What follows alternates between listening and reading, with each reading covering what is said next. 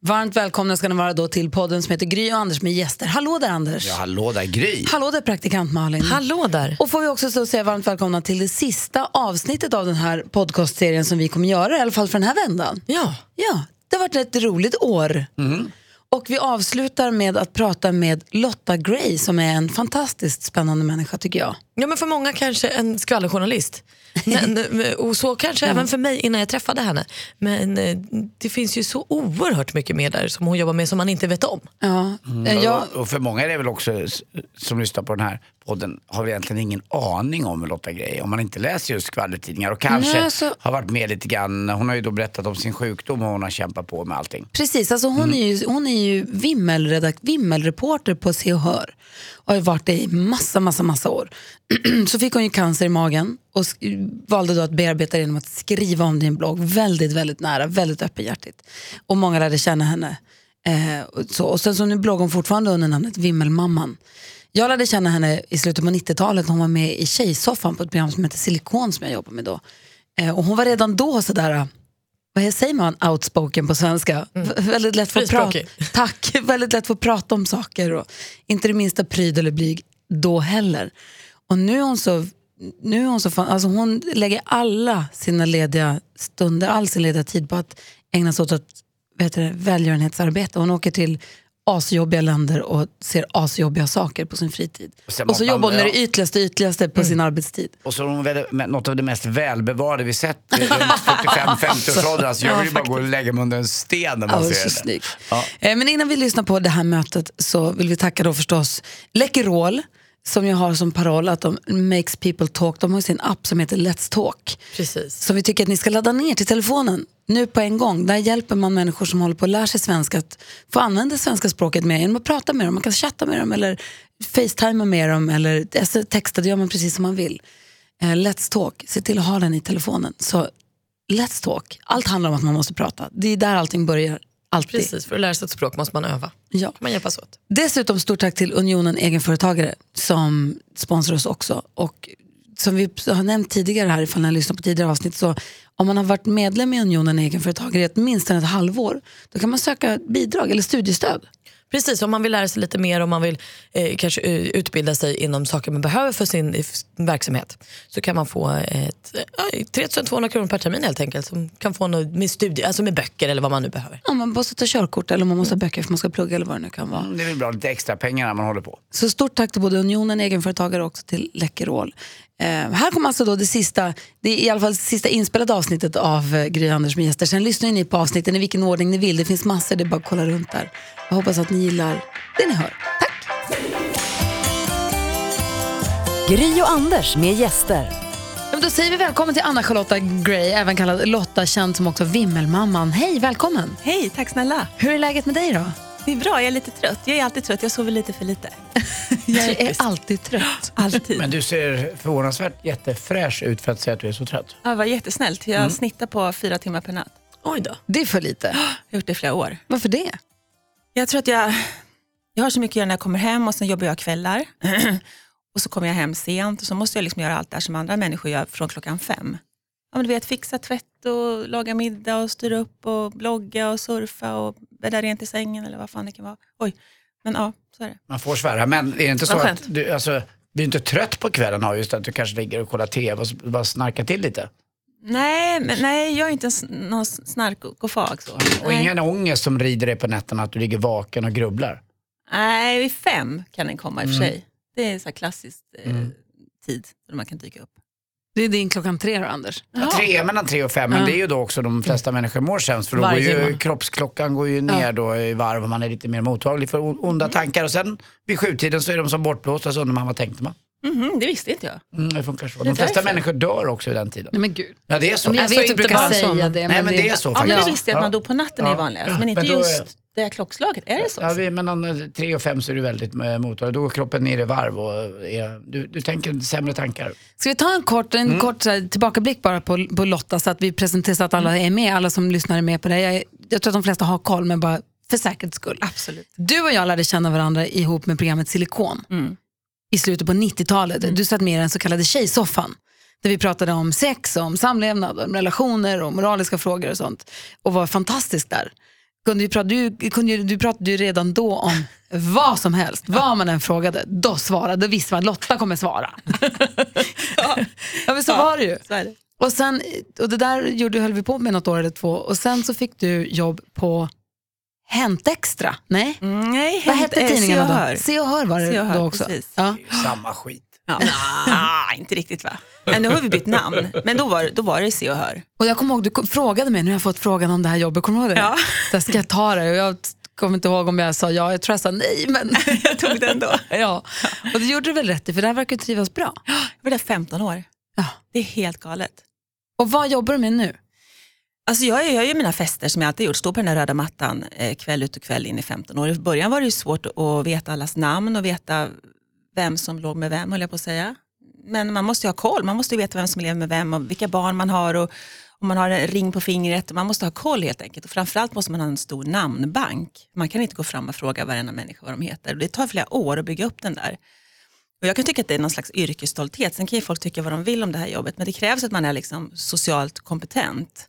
Och att man lär sig namn ganska bra. Så det du, går på, du går på biopremiärer eller restaurangöppningar och så är du där och kollar på röda mattan vilka som går med vem och vem som är vad. Precis, Och, och sen har jag med fotograf. Och sen så tar man bilder som då hamnar på de här festsidorna som de flesta säger att det är det enda de läser ibland. Det är, ju- det är ju spännande, men det är just det där med du pratar om i början med vem som ligger med vem. I Sverige är vi ju väldigt snälla egentligen, eller hur? Väldigt snälla, vi är inte alls paparazzi och ligger i buskar på det sättet. Eh, och vi vill ju oftast ha en kommentar, vi vill oftast ha en bekräftelse eller en dementi förstås.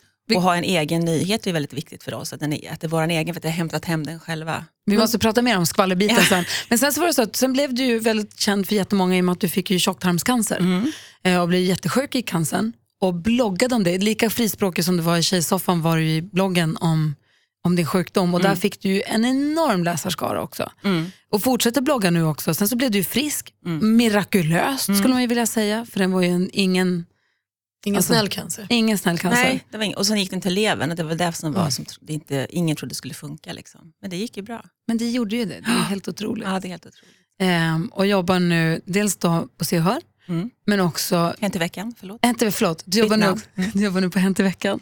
Eh, men gör också jättemycket resor utomlands till fattiga länder och gör stora insatser och hjälper till där med Läkarmissionen. Mm. Men du, vad du är bra Gry, du har verkligen läst på. Det här är ju fantastiskt. Ja, men så där, nu, har vi, nu vet du? Nej, men nu har vi det, då vet vi i alla fall vem det är vi pratar med. Då har vi kollen, eller hur? Ja. Ja. och då är det dags för de fem första väl? Ja, vi brukar ställa frågor om de fem första till våra gäster som kommer hit. Och då frågar vi om eh, Lotta Gray, första jobbet. Eh, vårdbiträde på Sofiagården i Örebro. Var där 13 år. Oj, Mm. men hur gammal var du när du började? Direkt efter gymnasiet. Jag ville bli målare men jag hade så fruktansvärt dåliga betyg. Jag hade 1 och 9 i medel när jag gick ut. Vad hade du Anders? 2,3. Ja, det är bättre än mig. Men det var inte så bra. Men hur gammal, alltså måste jag fråga nu, för att berätta för lyssnarna hur gammal du är. För att om du har jobbat 13 år som vårdbiträde, sen har du jobbat vad sa du, 15 15 år som, som skvallerjournalist då. Ja. Jag fyller 50 på julafton. Skojar du? Är du 50 bast alltså? Shit vad bra. Ja, vill bara säga. Första lägenheten. Första lägenheten, en, en tvåa i Örebro som min syster bor kvar i fortfarande. En jättefin tvåa med balkong. Men delade ni på den då? Nej, jag bodde där först, sen flyttade hon in där när jag flyttade till Stockholm. Apropå Örebro, du pratar ju teckenspråk, eller hur? Mm, jag är förlovad med en döv kille. Så var det ja. För det, är väldigt, det finns väldigt mycket döva som bor i Örebro. Mm, precis, som en skola. Där måste jag ju då säga igen vilken koll du har. För att det fick inte jag reda på för när jag var ute på Ladies Night-turné och så uppträdde vi där.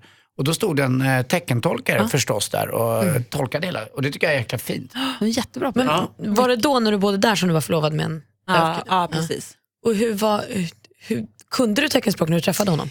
När vi träffades så skrev vi bara lappar, så det var enorma traver. Det stod hej, jag heter Lotta och så svarade han hej, jag heter Joel. Och så höll vi på så här. Jag Hur träffades där. ni då? Vi träffades i fiskdisken på Konsum. Nej. Jo. Och skrev en lapp till varandra? Nej, och såg varandra, och såg varandra där. Och sen träffades vi ute på krogen. Och, så de här lapparna var ju, alltså det var ju en sån enorm mängd lappar. Och sen gick jag teckens, teckenutbildning, heter det så? Teckenskola, kurs. Ja. Och jag kunde ju bara hjälpligt liksom. Men, och de pratade ju så fort så det blev väldigt svårt att tro att man skulle kunna ha en relation. I hans umgängeskrets så blir det svårt för mig för jag blir väldigt utanför. Ja. Och när han är med mina vänner så är det ingen som orkar skriva lappar. Alltså det blir väldigt svårt att ha en relation förstås. Han bara, vänta jag ska bara prata med min tjej. Vad tycker du att... Ja, Men vad spännande. Ja. Vad Joel, då kommer vi till nästa fråga. För ditt första förhållande? Mitt första förhållande var med Stefan Eriksson Steje, hockeyspelare, långhårig, lång, bodde i Adolfsberg. Ja, min första relation. Och din första sorg? Min första sorg, ja, men det var nog när vår katt dog, Nalle. Då kanske jag var, jag kommer inte ihåg, 14-15, som jag minns min största sorg. Ja, Och första bröllopet? alltså mitt eget förstås. Så, när det var menar du eller? Nej, det jag tänker på, det om man säger så här, ditt första bröllop, eller det första bröllopet i livet, vilket är det första du kommer tänka på? Är det ditt eget? då? Ja, det är mitt eget jag tänker på först. Hur länge sedan gifte du dig? Åh gud, Lennox är född 2005. 2006 gifte vi oss, ett år efter han föddes. Nej, en bastard. Ja, Men nu har ni, nu är skilt, nu, Mm, det är är relativt, ny, inte nyskild men jag är nästan. 14 månader sedan. Så det är Det ja, är lite. ganska nytt ändå. Hur funkar det då? Är du singel? Nej, jag är inte singel. Nej. Jag dejtar en, en ung, het latino. Nej. Får man fråga hur ung då? Han är 27. Åh, 23 år emellan. Yes. Vad är, vad är det som är det bästa med det att ha en ung kille om det nu är, om det är någon, någon fördel med det? Eh, jag tror att han är så här, ger mig en massa vinklar på livet som jag aldrig har tänkt på. Som är så här skönt och befriande. Jag bara, men så här kan man ju faktiskt tänka. Han är inte så låst. Det kan jag gilla med honom. Att ingenting sitter fast. Att ingenting är, han är inte så rigid. Liksom. Eh, och sen är det såklart att det är fantastiskt i sängen om man nu ska prata så. Men eh, framförallt så gillar jag att han ger mig nya inputs. Liksom. Vad innebär att han är fantastisk i sängen? Är han open-minded eller är han stenhård? Alltså fattar du vad jag menar? Ja. Nej men han är, så här, han är aldrig trött. Nej, Aldrig. hatar Trött. honom. När du fick din cancer, Mm.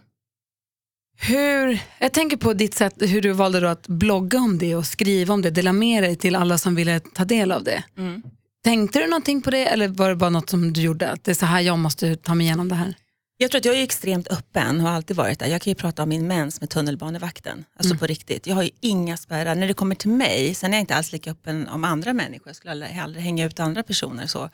Men, eh, så det var bara någon slags självventil. Extremt egoistiskt, det fanns ingen plan med det. Utan det var verkligen som en dagbok som jag liksom bara öste ur mig saker ur. Sen fick jag en otrolig respons. Det kom ju människor hem till oss och knackade på dörren och ville, knacka, eller ville kratta löv för att jag var för trött eh, kom presenter, så mycket presenter som finns som jag har fått av mina bloggläsare och det blev ju en otrolig respons. För att jag var så extremt naken tror jag i mina texter och mycket bilder. Du vet droppställningar när jag ligger på sjukhuset och kisspåsen har gått sönder klockan sex på morgonen. Operationssår, cellgifter. Så det är en blandning av mycket bilder och väldigt starka texter som jag tror berörde folk. Mm. Vart folk besvikna om du förstår vad jag menar nu? Att du överlevde. Fattar du vad jag menar? Ja, jag Oj, ja, men du, jag tror att du fattar Ja, precis jag vad jag fattar, menar. absolut. Ja. Nej, det Jag tror fick jag inte. svettningar när du sa så. Ja. Nej, jag tror att det är, det är lite som en dokusåpa. Att man liksom går in och följer någon och hur ska det gå? Och liksom, hur gick det på senaste bes- beskedet? Och jag har inte kunnat sova i natt för jag var tvungen att, jag skulle med barnen till dagis, jag var tvungen att vänta och kolla på ditt senaste blogginlägg. Vad fick du för svar? Eh, och jag tror att det blir som en, som en, en dokusåpa lite grann. Men besviken tror jag är fel ord, men det är klart att det finns en dramaturgi i när man är sådär sjuk. Det ska man inte förringa. Nej, för att det var ju så säkert trodde folk att du inte skulle faktiskt Precis. klara av det här, vilket du gjorde. Men jag är besviken med att folk har sagt, jaha, var det där bara ett spel för galleriet? Mm. kan jag tänka mig att många också tänkte. Ja men det tror jag. Och sen när jag blev frisk så sjönk ju besöksantalet ganska dramatiskt. I takt med att jag blev frisk förklarad så blev det ju färre och färre besökare. Och jag är ju hellre frisk och har en besökare än sjuk och har hundratusen besökare om jag får välja. Men sen så, och då tänker jag att man ska liksom slänga in något benbrott eller något för att försöka få upp, få upp det här. Det blir svårt En alltså. liten Men jag glad tänker, tumör någonstans bara. men blev inte det där liksom svårt för dig? Alltså när du kände att du, folk förväntade sig, jag tänker när man är så sjuk under så lång tid och kämpar så mycket. Så är det någon som bara, jag kan inte åka till jobbet för jag måste veta ditt provsvar. Man bara, men fuck you, jag har inte tid. Eller jag orkar inte. Nej men jag bloggade ju bara för, för mig själv.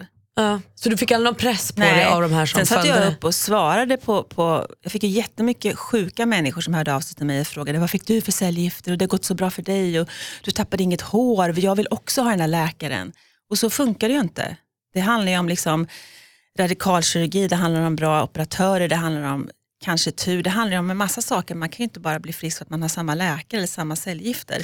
Och jag svarade ju på alla de, så jag satt ju uppe hela nätterna och svarade på alla de människorna under lång tid. Så det är klart att det fanns ett ansvar hos mig på något Men sätt. du är ju ganska driven också. Jag vet att, för vi pratade någon gång, för vi bodde ju grannar, ganska hyfsat grannar då. Eh, och du berättade någon gång när vi möttes där att du fick bli din egen projektledare ganska mycket. Att man måste projektleda sin Mm. sjukvård jättemycket, sätta sig in. Man får, du får googla och man får driva på. Och man får, det måste vara väldigt utmattande på så många sätt.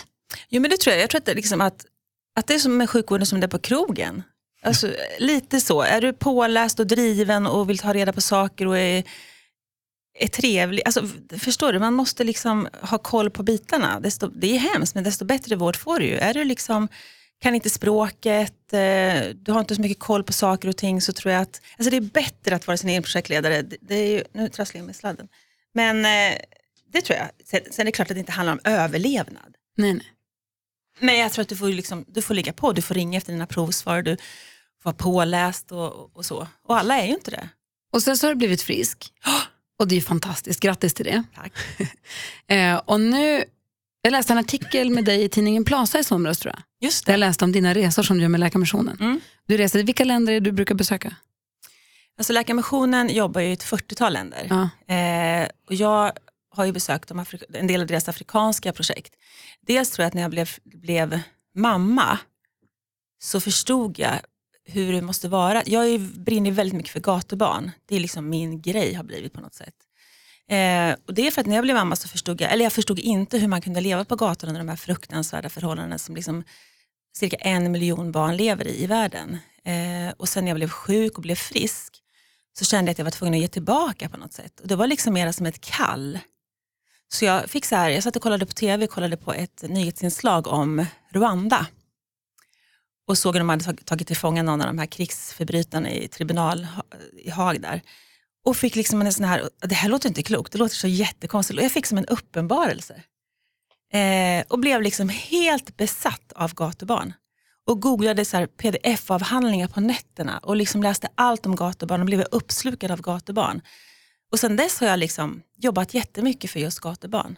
Eh, och jag, vet inte, jag kan inte svara på vad det, vad det betyder, varför det blev så. Men, Men som jag förstod ja. det så lägger du varje, ledig, varje semesterdag egentligen, ja, samla ihop alla lediga Ja. till att åka till de här länderna och, och hjälpa till med det du kan hjälpa till med. Precis, jag, jag är ju Läkarmissionens eh, ambassadör och åker med dem till det. Så de har ju lokala projekt, de jobbar väldigt nära sina projekt. Så nu var jag i Kongo senast eh, för ett halvår sedan och besökte Panzisjukhuset där som, som stöttas av Läkarmissionen finansiellt. Eh, men träffa våldtagna barn, kvinnor. Alltså det är otroligt häftiga resor men de är ju väldigt omvälvande. Fast det är ju, jag behöver dem tror jag. Jag kommer ihåg när jag kom hem från Rwanda som är ett otroligt eh, fattigt land. Det, är så här, det var som en tjock dimma av, av hopplöshet. Det Det är otroligt fattigt där. Och så gick jag direkt från jobbet, från, från flygplatsen. Och så kom jag, drog min resväska på Humlegårdsgatan där, där eh, Allermedia ligger. Och så har de julpyntat med så här girlangen och, och julgrejer. Och så kom jag och drog min resväska i snömodden. Och så hade jag precis träffat barn som ligger liksom med inga tänder i munnen, sover på pappkartonger, du vet de är så smutsiga, du ser inte ens vad de har för färg på kläderna. Och så kom jag direkt upp på redaktionen och skulle skriva en artikel om Kim Kardashians celluliter. Ja, men alltså. Alltså det blir väldigt, väldigt starka kontraster. Och då måste jag gå in på toaletten och gråta. Och så håller jag på så här några veckor tills jag liksom akklimatiserar mig igen. Och sen är du tillbaka i det här ekorrhjulet med den här kommersen och den här ytliga världen. Så det tar ett tag innan man måste landa efter de där resorna. du har aldrig funderat på att sluta med det jobbet och bara jobba för det här som får dig att... Jag brinna? tror att, att jag behöver båda benen på något sätt. Eh, man kan inte förringa det ena. Det är klart att det andra kanske är viktigare förstås. Men, eh, nej, men jag älskar ju mitt jobb så jag hör. Men Eller hade, på det här, veckan, hade, gud hade de här resorna till Afrika hänt utan din sjukdom, att du fick upp ögonen? Nej, jag Det tror hade inte det. va? Och så blandningen av att du faktiskt i botten sa du innan här, du har 13 år som, som sköterska också, att det, Mm. att det spelar med. Ja, det tror jag absolut. Sen, sen gillar ju jag människor på något sätt. Alla människor. Men hur gör du då när du står på röda mattan i, på någon biopremiär säger vi här för, för Hänt i veckan. Ehm, och så, och för att försöka uppbringa något intresse för eller liksom försöka få, få det viktigt att se huruvida Samir Badran kommer med en tjej i handen eller inte. Mm. Alltså förstår du, Alltså, eller vad det nu kan handla om som är viktigt på röda mattan. Att få det viktigt för dig själv. Nej, men för mig är det ju ett jobb. Ja. det är ett jobb som jag gör och som jag försöker göra så bra jag kan. Så det är så jag tänker. Liksom. Men är det inte så också att, som du säger, att du har en yrkesstolthet, säger du? Ja, och det som tror du jag. har eh, fått i det, du har jobbat så länge. Och det innebär också att det är en ömsesidig respekt från kändisarna. Mm. Och då blir det ett roligt jobb också. Att du inte bara blir den där, som vi, eller jag tycker, ska jag tala för mig själv, den här snaskiga som vill peta och kolla och eh, liksom gotta sig i misären lite grann och skilsmässor hit och dit och den yngre, äldre, vad det nu är, någon har dött och... Mm. Eller? Ja, möjligtvis. Eh, jag tror ju att, att jag också kanske ses på röda mattan som, inte, som hon som är ganska snäll. Eller förstår du lite vad jag tänker? Mm. Ja, ja, Eh, gud ja. Jag tror att det är liksom, jag har den bilden, och jag är ju snäll. Liksom. Det är väl de flesta människor tänker jag. Men, men det är, ja, så, lite så är det. Och då blir det ju roligare, för för mig blir det ju inte som kompisar. Jag kommer aldrig bli kompis med kändisar, för de vill inte hänga med mig. Och det fattar jag. Liksom. Och jag är ju väldigt tydlig. Det är, först, jag kan inte sitta knät på vadå, dem. vilka vill hänga med dig då? Men och du säger nej? Nej, men, nej men jag tänker att det är De svårt. vill inte. De vill inte hänga med mig och det förstår jag. Ja, men det kanske fanns någon. Ja, kanske någon som vill, men jag tänker att det är svårt att ha mig på en privat middag. Mm. Om Gry skulle bjuda hem eller dig så skulle det bli så, för man vet inte, men gud sitter hon här nu? Och så säger du, fan jag har bråkat med min snubbe. Och då kanske du tror att men nu sitter hon och så går hon till jobbet imorgon. Det blir jätte, jättesvårt att förhålla sig till det. Och det förstår jag. jag så att jag är väldigt tydlig med de få människor jag umgås med som är offentliga. Jättetydlig med Vilka dem. är det? nej men jag vet inte, men som Camilla till exempel Läckberg, om vi hänger. Hon vet ju precis. Eh, För ni är kompisar. vi umgås jättesällan men vi känner ju varandra Ja. lite grann, som barn på, dag, på dagis och sådär. Och, Som hon säger, ah, Simon är Yes. så tråkig. Ah. Då kan du inte skriva det sen i tidningen. Nej, och är det så att jag ser att hon, inte vet jag, skulle vara gravid på nytt, nu är hon inte där, så, så, så kan ju inte jag gå till jobbet och skriva det. De säger så här, Camilla, vet du, alltså jag måste fråga dig, kan jag, kan jag skriva den? Och säger hon nej. Ja, då hamnar jag i ett läge som är väldigt svårt. Men jag måste vara lojal, för att om jag inte är lojal kan jag heller inte få ett förtroende. Sen. Vad tänker du? Så tänker Malin är vår skalereporter här på radion. Jag, nu, jag vågar ju inte säga något, men jag blir ju nyfiken på, för det, Fråga det är, kolla vad hon har för skvaller, hon vet ju allt. Allt. Allt. Och hon är lojal också, det är det som är det värsta. Det är där jag faller. Men jag, när jag tänker på, för den typen av så här skvallerblaskor, om vi då får klumpa ihop och kalla dem det, som alla vill läsa men som ingen står för, eh, kan, eller får ju ofta efter sig att så här, det är bara rent ljug och det är bara hittepå. Jag pratade med, eh, jag gör ett program på söndagen här där vi hade Bianca Ingrosso för ett tag sedan som gäst och då sa hon att det värsta jag varit med om, nu vet jag inte vilken tidning det var, men då sa hon det värsta jag varit med om var när det stod att jag hade spottat efter Laila Bagge. Just det. Och det har de ju dragit upp i rätten och fått rätt för. Vad är det med den, nu kanske du får liksom fejsa något som du själv inte har gjort, men den typen av tidningar som hittar på? Och är det hittepå från början eller är det Alltså den artikeln har inte jag skrivit, så jag vet inte, jag vet inte hur, hur man tänkte. Det Men det chef- finns ju flera liknande chef- liksom. Ja, det är chefredaktören som, som tar beslut om rubriksättningar och sådär. Vi skriver artiklarna. Eh, och sen så är det ju oftast rubriken som skriker högst. För det är den som man vill ska liksom locka till läsning förstås. Eh, och sen när man läser artikeln så är det ju oftast nedplockat. Att någon har fått en ny familjemedlem och då kan det vara en hund till exempel. Eh, Ja, att- Gry Forssells ja. nya kärlek Bosse ja, till exempel. Det var roligt. Ja, det var jättekul.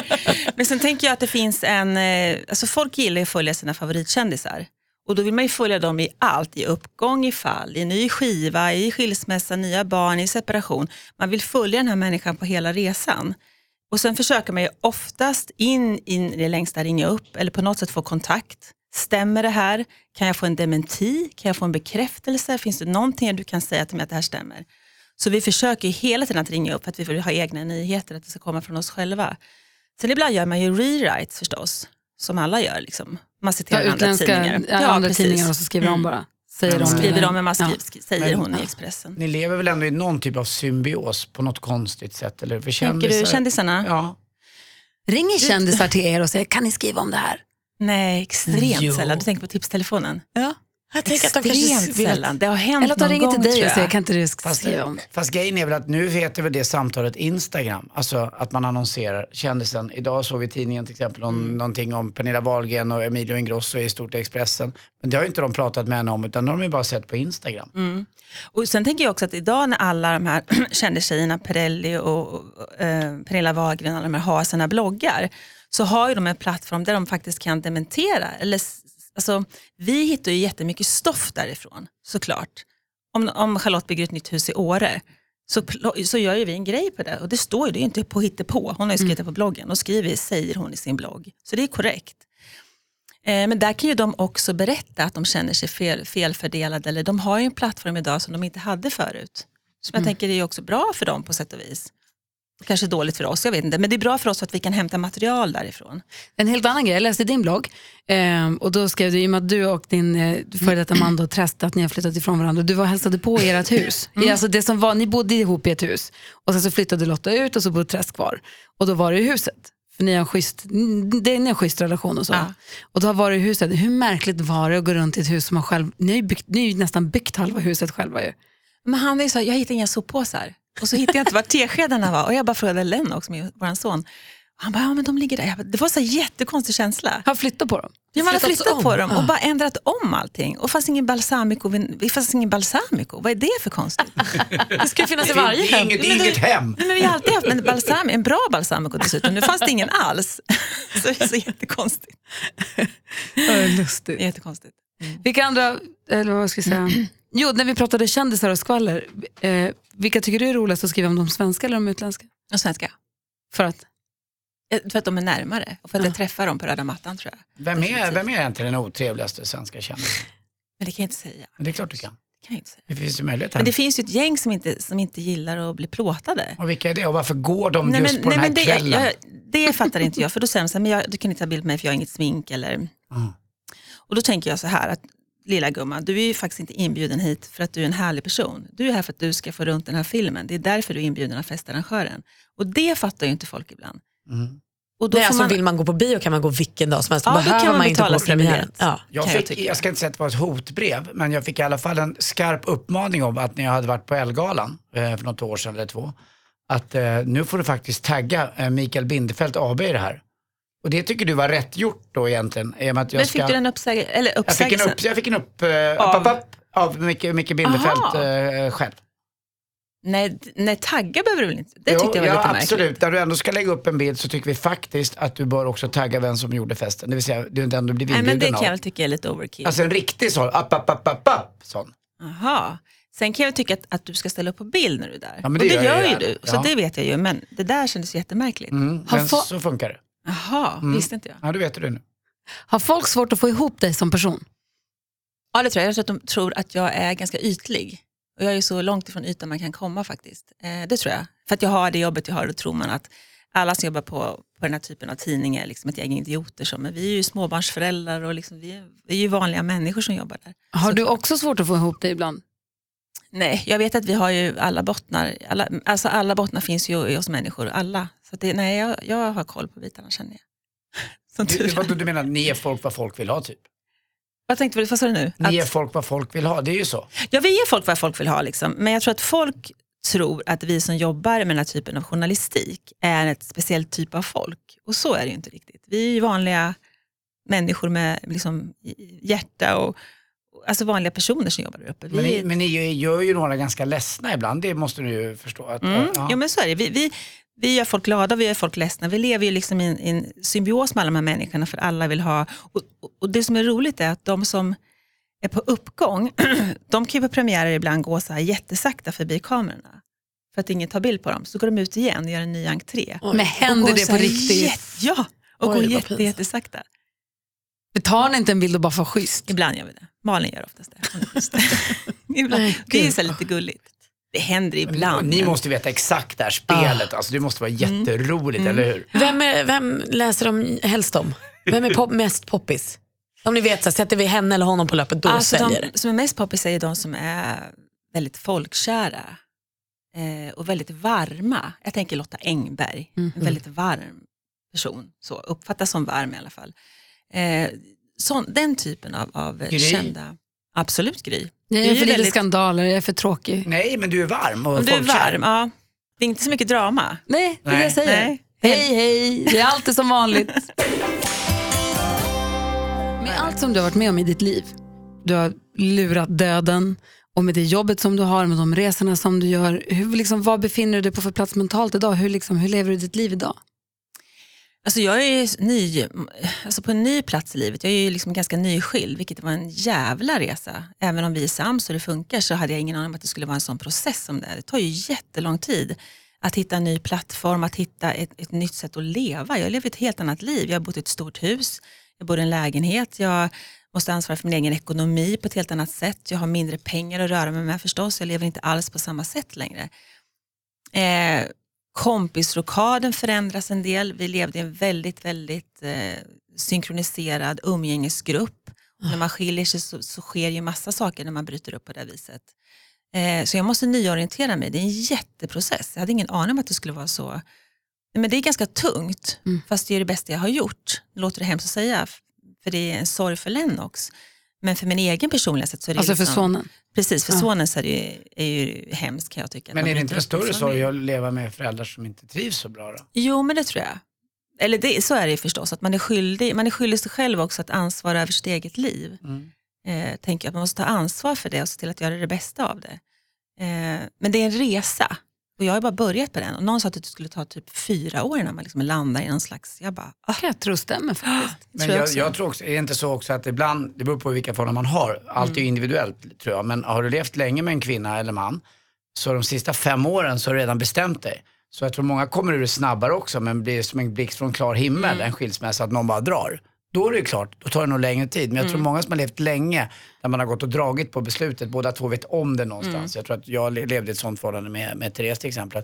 Det blev det lite lättare för oss, eh, för vi var lite klara båda två. Det var liksom över. Jag gick och trampade lite jag gick och extra. trampade Ja. lite extra. Nu vet inte jag hur det var i ditt förhållande. Nej, men vi var ju tillsammans i 14 år är lång tid. Mm. Det är jättelång tid. Man hinner etablera liksom otroliga band och bygga hus och resa och, ny, och vänskap och vänner och sådär. Och det här var ju också inget nytt. Det var ju, jag pratade om det jättelänge, i, i flera år faktiskt. Eh, och det var ett beslut som vi var överens om. Sen har vi har liksom hamnat i ofas. Ibland sa jag, nej men nu skiter vi i det. Och sen så gick det något år så sa han, nej men nu skiter vi i det. Och sen sa han, nej men nu skiter vi i det. Och då hörde jag någon liten röst som sa så här, men nu skiter vi i det, jag håller med. Och då har väl det legat och kokat i mig så pass länge och liksom landat och legat. Och så, så den här rösten bara sa, ah, men vi, nu gör vi det här. Så så var det faktiskt. Men det är ändå en, det är ett helt nytt sätt att leva. Vet, jag, kan säga, jag kan äta så en skuta makaroner när jag vill utan med bara smör till i kastrullen. Alltså jag behöver inte, hela det här familjelivet är ju, är ju borta på gott och ont. Det är ju jättelänge sedan jag levde så här. Det är satt ur spel liksom. Det Ja, går, inte- man det- dukar inte för två. Nej, Man väntar inte att det ska låta i dörren. Man gör Nej. inte, det är ju både på gott och ont, inte bara skönt. Söndagarna kan vara lite tråkiga. Men hon Ja. ja. backar tillbaka bandet till den där 27-åriga Ja, latinolavaren. ja, ja. Så han kan smälla i dörren han också. Ska jag smälla ordentligt? Svängdörr. Men du är driftig och ju- du verkligen går ju på som en liten bulldozer. Nu håller du också på att skriva en bok. Och vilken jäkla arbetsdisciplin du har lagt på dig själv då. Berätta. Nej, men det var ju Carina Nunstedt som har startat eh, Your Life Book som ligger under Bonnierförlagen. Eh, en ny, ett nytt för, bokförlag liksom, inom dem. Och som bara ska släppa alltså, livsomspännande böcker. Böcker som berör. Så frågade hon mig här i våras. Och då sa jag ja, för jag har fått den här frågan så många gånger. Och jag har sagt nej. För jag tänker, men den där jäkla cancern. Folk spyr på den här cancern. Vad, vad har jag till för? Det finns ju massor med sådana böcker. Så jag har sagt nej i flera år när olika bokförlag har frågat mig. Men så tänkte jag så här, men nu är det tredje gången jag får frågan och jag kommer inte få den av er. Alltså jag måste säga ja. Men då är det så här, då, då ska jag skriva den här boken och den ska vara klar i maj, juni, sommarbok. Och då skriver jag 5000 tecken om dagen. För att det är Oj, så här, jag Det behöver är ha... mycket ändå. Ja, jag tänker att har, det finns marginal då, att jag kan vila en dag. Vad blir det i liksom, sidor? Ingen aning. Nej. Ja, är två A4 kan man säga. Är det det? är det så? Ja, Vet alltså, du Om du ska skriva en, en kolumn i Expressen Aftonbladet Ja. idag när en, en konsert skriver, det är kanske 2500 tecken. Jaha, Så det är ah, inte, tack. ja, det är, ja. Jaha, ja, Ja. du ser. Mm. Ja, men så då gör jag det. Alltså sätter jag mig på ett fik. Och det är jättesvårt att hitta fik som inte har musik. För jag är ju så gammal så jag fixar inte ljud. Jag går alltid fram och ber dem sänka eller du så här på tunnelbanan. Jag tycker det är jättejobbigt när folk pratar högt. Ja, Joe and the Juice bar är ju inget för dig Nej, det då. går inte. Där är ju rave-party Det var varje det, dag. Och sen har jag Hög sitta på, på Clarion Skanstull, heter det så? Men där är det så här otroligt osköna stolar. För det bygger, du måste sitta bra, du kan inte sitta så här och hänga. Varför kan du du inte sitta hemma? Jag tänkte också det. Nej, Jag nej, funderar nej, på... då lägger in en tvätt och håller på och grejer. Det går inte. Nej. Angle. Nej men sluta. Tror du på Anglais? Ja, det är många som sitter där, unga bloggerskor och du ser ju jäkla ung ut. Och dessutom, dessutom så kan du sitta där Clarion, det händer inte så mycket i kändisvärlden. Men du kan se... eh, Kändisspaning. Spotting. Kändisspaning lite grann, för visst är det väl så när folk som vänstrar, nu är vi tillbaka igen i skvallret. Mhm. Men visst är luncherna lite underskattade? Oj, oj, Det vet inte jag. Alltså det har jag ingen aning om. Det borde jag Kolla nu, take it from a pro. Berätta, Nu Anders. ledde jag in dig på Alltså, fel spår det var jätteintressant. Nej, men det är- att, jag, jag tror att luncher är ganska... Det tror jag med. Så här är det ju att du kan ju inte gå ut och dejta en annan person på en kväll för det ser lite konstigt ut. Men äta lunch, det går bra för då kan man alltid hitta på att hon eller han jobbar med det eller det. Eller, och eh, den andra parten gör ju oftast någonting på dagen om de inte är hemmafru eller hemmapappor. Och då finns det alltid tid att smita undan på någon plats, antingen ute, inne, hotell eller något annat. Vad tror du om den? Den var bra. Har du aldrig hört den? Nej. Kom igen nu. 15 år på jobbet, aldrig hört. Nej, okej. Gud, Jag känner mig urusel. Alltså jag vill prata mer om skvaller. Vilken, vem, är, vem, är, vem är den där Nej, notoriske liksom, eh, som vi tror, man kan tro är otrevlig eller dum, men som egentligen är världens gulligaste. Stämmer det att Siw Malmkvist är så snål som det sägs? Det har jag aldrig hört. Nej. Stämmer det att prins Lilian, prinsessan Lilian var en uh, tjuv på den tiden? Ja, det vet jag inte. Jag har Nej. Men, det Men- det, sånt går ju inte, vet ju inte ens vi. Men grundfrågan var väl då, vem, vilken kändis har- är mest missuppfattad? Det var väl det du undrade va? Ja, vi börjar med det. Bra. Alltså, jag kan tänka mig att det är Mikael Persbrandt. Att folk tror... Att han är jävligt bufflig, vilket han förmodligen är. Men jag tror att längst inne bultar ett pojkhjärta. Jag på säga. Men där inne tror jag att det finns en mycket härligare person än vad han framstås att vara. Alltså jag bara tänker så random nu när du frågar mig initialt.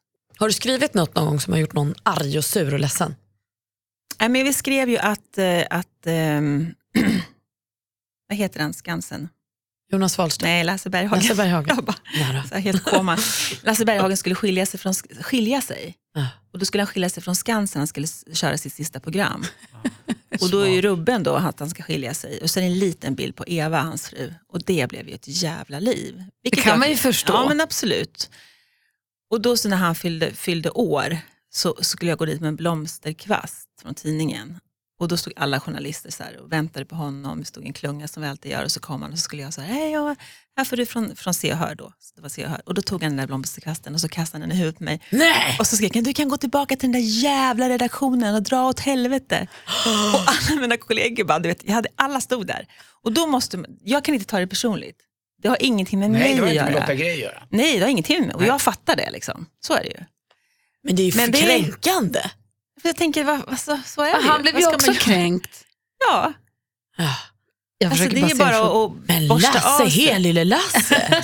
Huffa. Nej, men han tyckte Ja. att det där var ett övertramp. Jag måste tänka, nu har vi pratat här ett tag, nu har jag suttit och tänkt lite grann. Mm. Gör du det här, det andra, när du åker till Afrika, Rwanda och är fantastisk med det du gör, Mm. för att väga upp det här parasiterande som du gör Mm. på andra människor. Förstår du hur jag tänker när du står där och skriver tvätta sig. ner och tvätta, ja för att tvätta rent liksom. Mm, nej, inte med, Nej. inte med någon Mening. nej, med, medvetenhet. Nej, Nej. absolut inte. Har du nej. tänkt så någon gång? Nej. Jag skulle nog snarare tro, om jag bara får tolka, bara härifrån, det vi har pratat om nu, så känns det ju snarare som när du var sjuk eh, så hade du bloggen som du skrev av dig, du svarade folk, du liksom flyttade fokus eller vad man ska säga från. Och då kan jag tänka mig att det här du jobbar med med Afrika och sånt, att du åker till fattiga gatubarn och så flyr du till skvallergrejen. Alltså att du använder lightare grejer så som en blogg, nu var det väl inte light så, men att så här, skriva av sig, svara på folks frågor och att skriva skvaller, att det blir snarare oaserna från det du faktiskt En gör. pysventil. Ja, men jag tänker det, att man så här, måste väga upp det jobbiga med något lite lightare. Ja, möjligtvis att det är så. För jag tänker att den där Afrika-grejen, det är en, det är en klåda i mig. Den går inte att komma undan. Alltså det går inte. Jag är så här, mår ju skitdåligt av att Alltså, I perioder har det varit så att det har varit så jobbigt så att jag inte kunnat liksom, hantera det. Och det är när jag kommit hem från mina resor, du vet, man träffar alla de här barnen. Som är du vet, på barnhem, man träffar dem på gatorna. Det är så mycket gatubarn överallt. Och vad gör du när du är där? Ja, men då träffar vi de här projekten som Läkarmissionen jobbar i. Det kan vara till exempel eh, Retrack som är en uppsökande verksamhet i Uganda, i Kampala, där det bor 10 000 gatubarn, bara i, i huvudstaden Kampala. Eh, och då jobbar Retrack med dem och söker upp dem på gatorna på nätterna och försöker få in dem till något som heter Tigers Club, där man försöker hitta nya familjer till dem. Och då följer jag med dem ut och så bloggar jag därifrån. Det är det som är tanken, att bloggen då blir under den här veckan en redovisande grej. Så titta här vad Läkarmissionen gör, det här funkar, pengarna kommer fram, man har en yrkesutbildning, vi har skaffat svetsarglasögon, de har fått maskiner. För att läsa, alltså, Läkarmissionens givare ska läsa min blogg och se att det, det funkar, pengarna kommer fram. Det är det som är min uppgift där. Och då träffar man de här barnen på natten till exempel och går omkring där och söker upp dem och försöker att liksom följa med och ta bilder. Och man får vara jätteförsiktig med bilder förstås. Det är svårt att dokumentera barn i de situationerna. Men ett gatubarn är ett barn helt utan föräldrar. Ja, ett gatubarn är ett barn utan föräldrar men, men sen finns det ju barn som, som lever på gatan på dagtid men sover hemma. Men det är så fruktansvärt usla förhållanden hemma så att man väljer att bo på gatan istället. Det är också ett gatubarn. Så det är, lite, Är de misstänksamma de här barnen mot vuxna då för att de har blivit svikna? inte de jag har träffat, de är oftast tvärtom väldigt nyfikna, vill hålla handen och, och liksom förstås ha saker av en och så. Men, eh, men det är fruktansvärt att se och de där, de, det där går ju inte att värja. Jag bärgar med mig det där hela tiden, 24 timmar om dygnet jämt. Så Och vad, är det. vad går nästa resa? Eh, Jag vill, ja, nu ska jag till Maldiverna först, och skriva klart min bok. Men sen så tror jag att, eh, nu åker jag till Tanzania med Specsavers och delar ut glasögon som jag gör varje år också. Och de har ingenting med Läkarmissionen att göra, det är ett glasögonföretag. Eh, Men sen tror jag att jag åker med Läkarmissionen till Etiopien för jag vill gärna träffa slavbarnen där som är fastkedjade från de är små, fastkedjade i de här vävstolarna. Oh, Jag tycker att det är fantastiskt, det livet som du lever. Det är väldigt fascinerande. Spretigt. Ja, spretigt, men det är det som är så kul med dig också, att det är så. Och vi fortsätter följa, din blogg finns på Allt för föräldrar. Det är bara att googla Vimmelmamman så hittar ni henne. Ehm, så fortsätter vi följa, följa dig i ditt liv där. Men Gry, jag har en sista fråga bara. Ja. Eh, Det här att du och Laila delar på den här 27-åriga Korosh, stämmer det?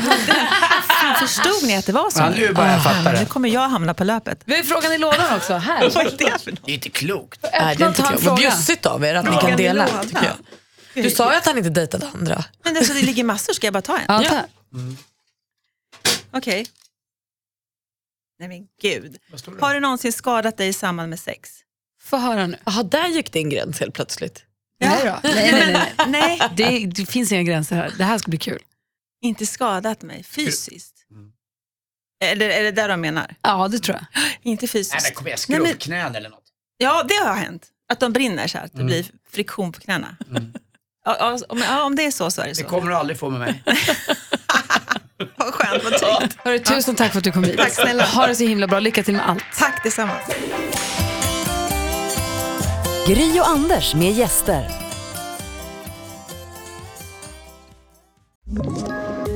Poddtips från Podplay. I podden Något Kaiko garanterar östgötarna Brutti och jag, Davva, dig en stor dos skratt. Där följer jag pladask för köttätandet igen. Man är lite som en jävla vampyr. Man har fått lite blodsmak och då måste man ha mer. Udda spaningar, fängslande anekdoter och en och annan arg rant.